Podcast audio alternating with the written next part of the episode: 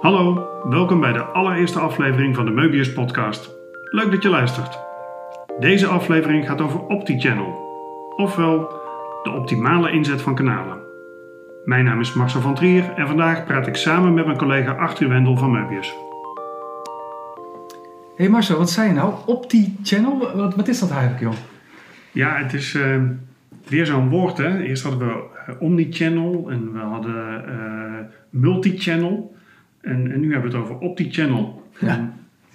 De eerste keer dat ik het hoorde, dacht ik ook, wat is dit nou weer? Opti.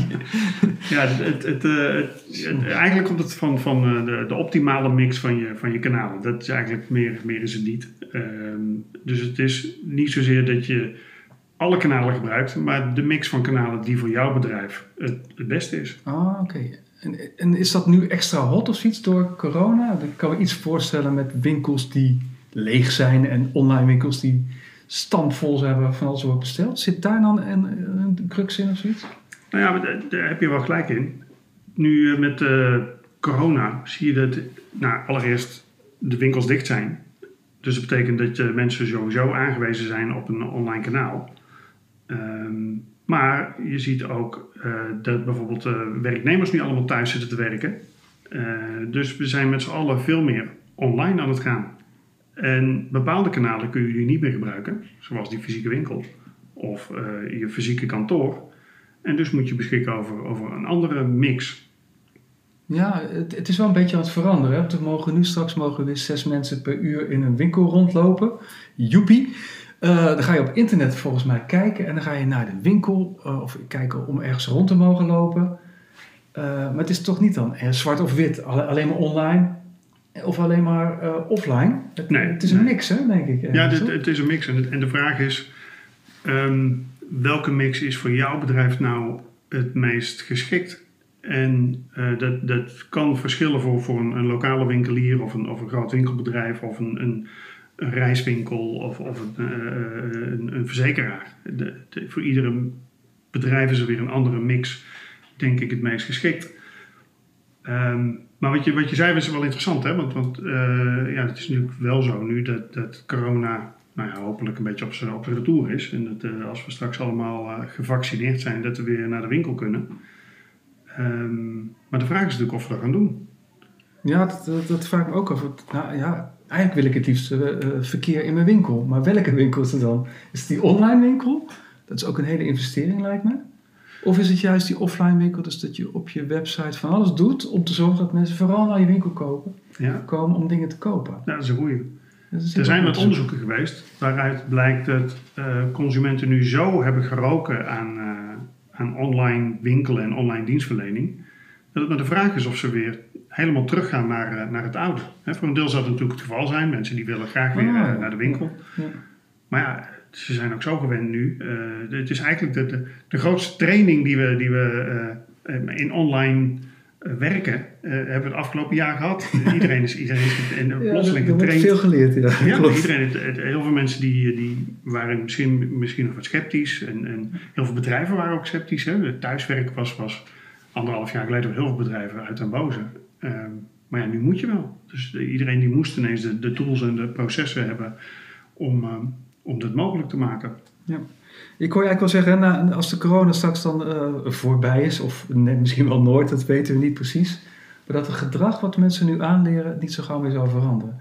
Ik heb jou ook wel eens iets horen zeggen over uh, het cannibaliseren op je eigen kanalen. Is dit dan gaande dat je eigenlijk online eigenlijk je omzet weghaalt die je uh, offline hebt? Of is dat iets anders? Nee, dat is een hele goede vraag.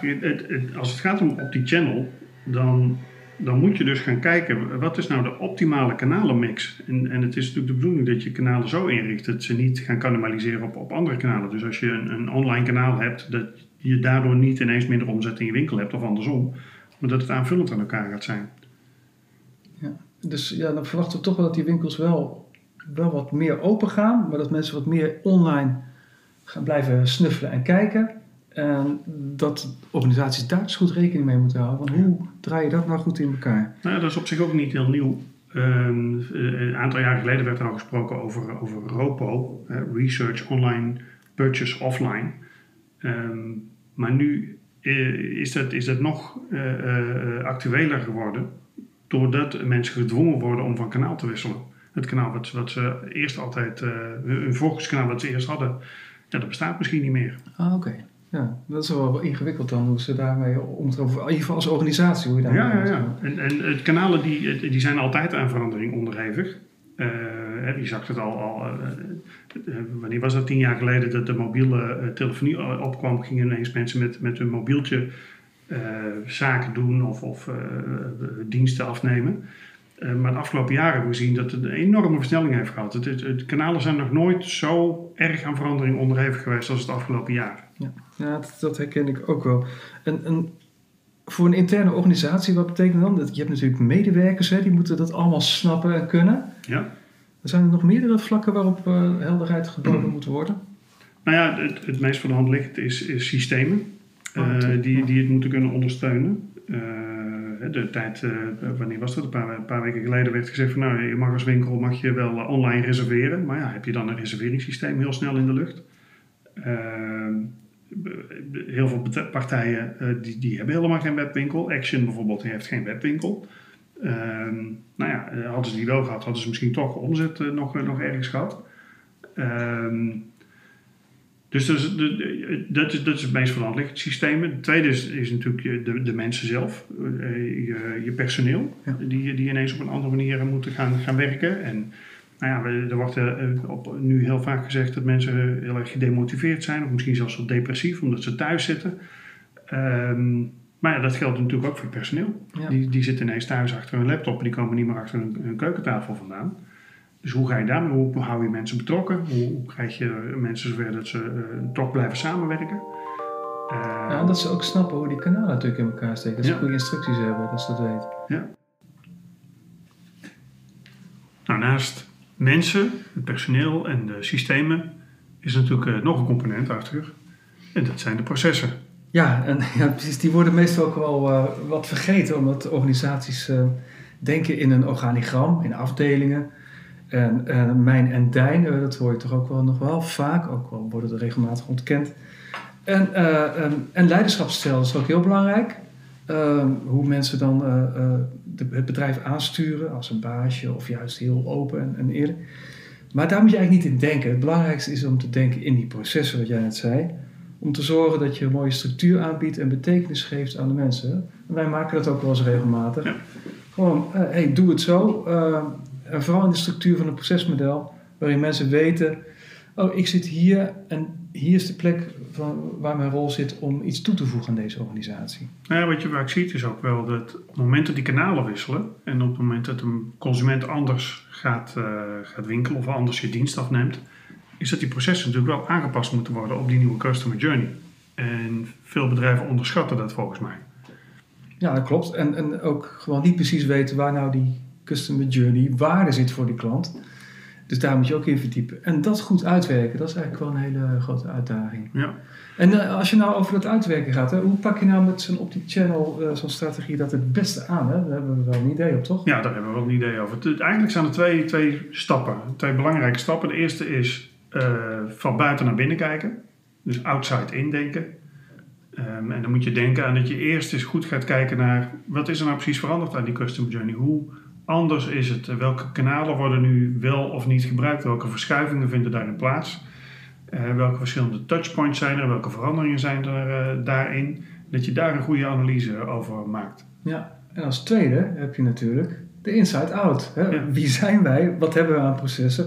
Hoe moeten we dat verbeteren en aan laten sluiten op het verhaal wat jij net vertelt volgens mij? Hè? Ja, precies. Hoe, hoe, doe je dat nou het beste? En dat is niet eenvoudig, want je moet goed communiceren met elkaar en heel veel afstemmen. Dus daar zit de uitdaging volgens mij. Ja, absoluut, absoluut. En dan kunnen we daar natuurlijk nog heel lang over praten. Ja, gaan we niet doen, hè? Dat gaan we niet doen. Nee, we moeten ook weer andere dingen nee.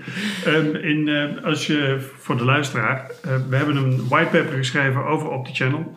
En in de link bij deze podcast kan je zien waar die whitepaper staat. En dan kan je hem nog eens nalezen. En mocht je daar nog vragen over hebben, dan kan je altijd contact opnemen met Arthur of met mij. Ja, zeker doen. Lezen, het is zeker de moeite waard. Uh, maak er een feestje van, doen wij ook elke dag. Dus uh, nou, bedankt voor het luisteren.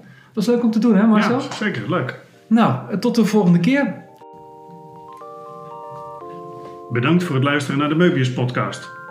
Möbius Business Redesign is een adviesbureau dat organisaties begeleidt door duurzame bedrijfsoplossingen te ontwerpen en te implementeren op hun strategische momenten tijdens de levenscyclus. We zijn werkzaam voor overheidsinstellingen, gezondheidsinstellingen, industriële en dienstverlenende bedrijven en retail. Bezoek ook onze website möbius.eu en volg ons op LinkedIn. Möbius met O-omlaut.